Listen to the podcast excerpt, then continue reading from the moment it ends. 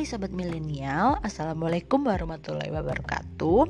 Selamat datang di podcast Portal Dunia Keuangan dan Investasi by investasi.sejadini.com Selamat datang di sesi investasi yang pertama Yaitu investasi 101 yang berjudul Korelasi antara uang dengan bunga majemuk yang dapat membuatmu kaya Dahulu sekali, sebelum diciptakannya uang, orang-orang melakukan barter untuk memenuhi kebutuhan hidupnya.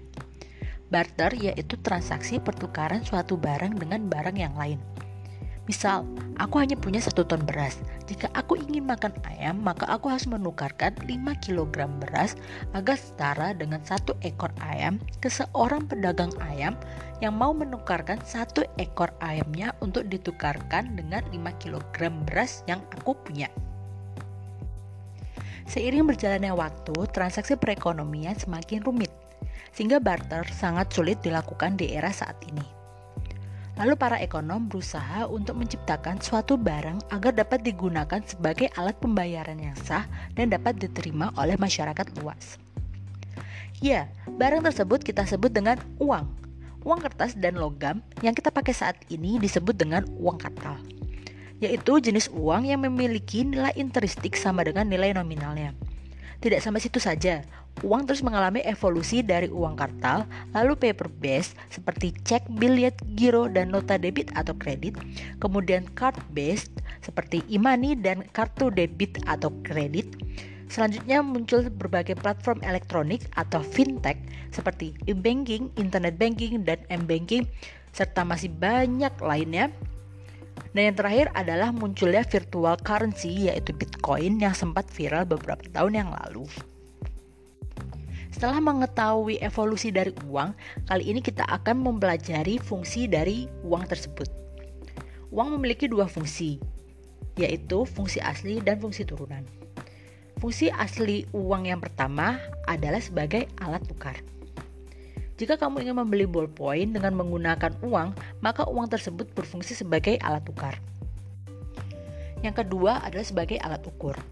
Masih menggunakan contoh membeli ballpoint, satu ballpoint dihargai dengan Rp2.000, artinya uang dapat mengukur nominal ballpoint tersebut sebesar Rp2.000.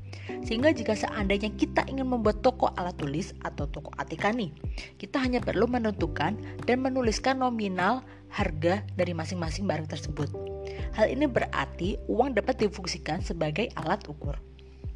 Yang ketiga adalah uang sebagai alat penyimpan nilai, yaitu menyimpan uang saat ini untuk ditabung atau diinvestasikan sampai tiba saat kita membutuhkan uang tersebut untuk dibelanjakan. Adapun fungsi turunan uang yaitu sebagai alat pembayaran, penunjuk harga, dan penimbun kekayaan. Nah, tadi kan kita udah bahas sedikit tentang uang tuh. Nah, sekarang waktunya kita membahas tentang simple interest dan compound interest. Simple interest adalah bunga tunggal atau bunga flat. Bunga flat dapat kita temukan pada bunga rekening tabungan bank dan rekening deposito bank. Cara kerja simple interest adalah pokok simpanan dikali dengan bunganya. Contoh nih, si A menabung sebesar 10 juta dengan bunga deposito 5% per tahun. Untuk menghitung simple interest, yaitu dengan cara mengkalikan 10 juta tadi dengan bunga deposito yaitu 5% sehingga ketemu hasil sebesar 500 ribu rupiah. Jika jangka waktu menabung si A adalah 5 tahun, maka ia akan mendapatkan total imbal hasil sebesar Rp2.500.000 atau si A akan memperoleh Rp500.000 setiap tahunnya. Jadi total uang yang akan A peroleh dalam waktu 5 tahun lagi adalah Rp12.500.000. Ini nih yang paling penting. BTW kalian pernah dengar gak sih ceritanya Kak Radit waktu dia pertama kali investasi. Jadi dia pertama kali investasi itu karena dia tahu konsep dari compound interest yaitu bunga berbunga. Berbeda dengan simple interest, bunga majemuk atau nama lainnya compound interest adalah konsep bunga berbunga yang dapat kita temukan pada kredit perbankan ataupun investasi seperti reksadana dan saham. Compound interest adalah bunga yang dihitung berdasarkan jumlah pinjaman pokok ditambah bunga yang diperoleh sebelumnya. Bunga atau keuntungan yang diperoleh sebelumnya akan menghasilkan bunga atau keuntungan yang lain dan akan terus melipat gandakan dirinya sendiri. Dari situ aja udah kelihatan perbedaannya kan dari simple interest sama compound interest bisa kalian search di internet rumus dari compound interest atau kalian bisa cek highlight story Instagram aku at raisasa R A I S S A S A A A pokoknya yang A belakangnya itu lima kali yang berjudul bunga bunga berbunga kelebihan dari bunga majemuk ini tuh kalian nggak perlu yang namanya investasi dengan dana besar kalian cukup investasi rutin aja tiap bulan tapi mulai sejak sedini mungkin. Ingat ya, sedini mungkin.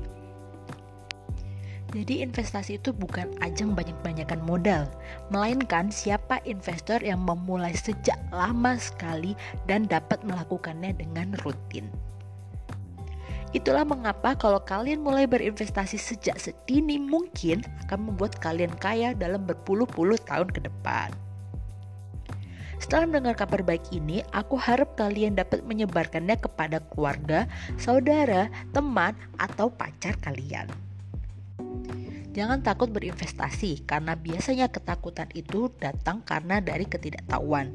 Kalian dapat menghilangkan ketakutan itu dengan cara memperbanyak pengetahuan dan pengalaman di investasi langsung gitu. Kalian bisa mulai dari dengan podcast ini atau Kalian bisa baca post di website aku di investasisejakdini.com atau kalian mau tahu tips-tips cara mengolah keuangan yang baik atau tentang seputar investasi biasa itu kalian bisa follow IG aku. Atau kalian bisa cek YouTube akun perencana keuangan ataupun akun YouTube analisis investasi untuk menambah referensi kalian juga gitu.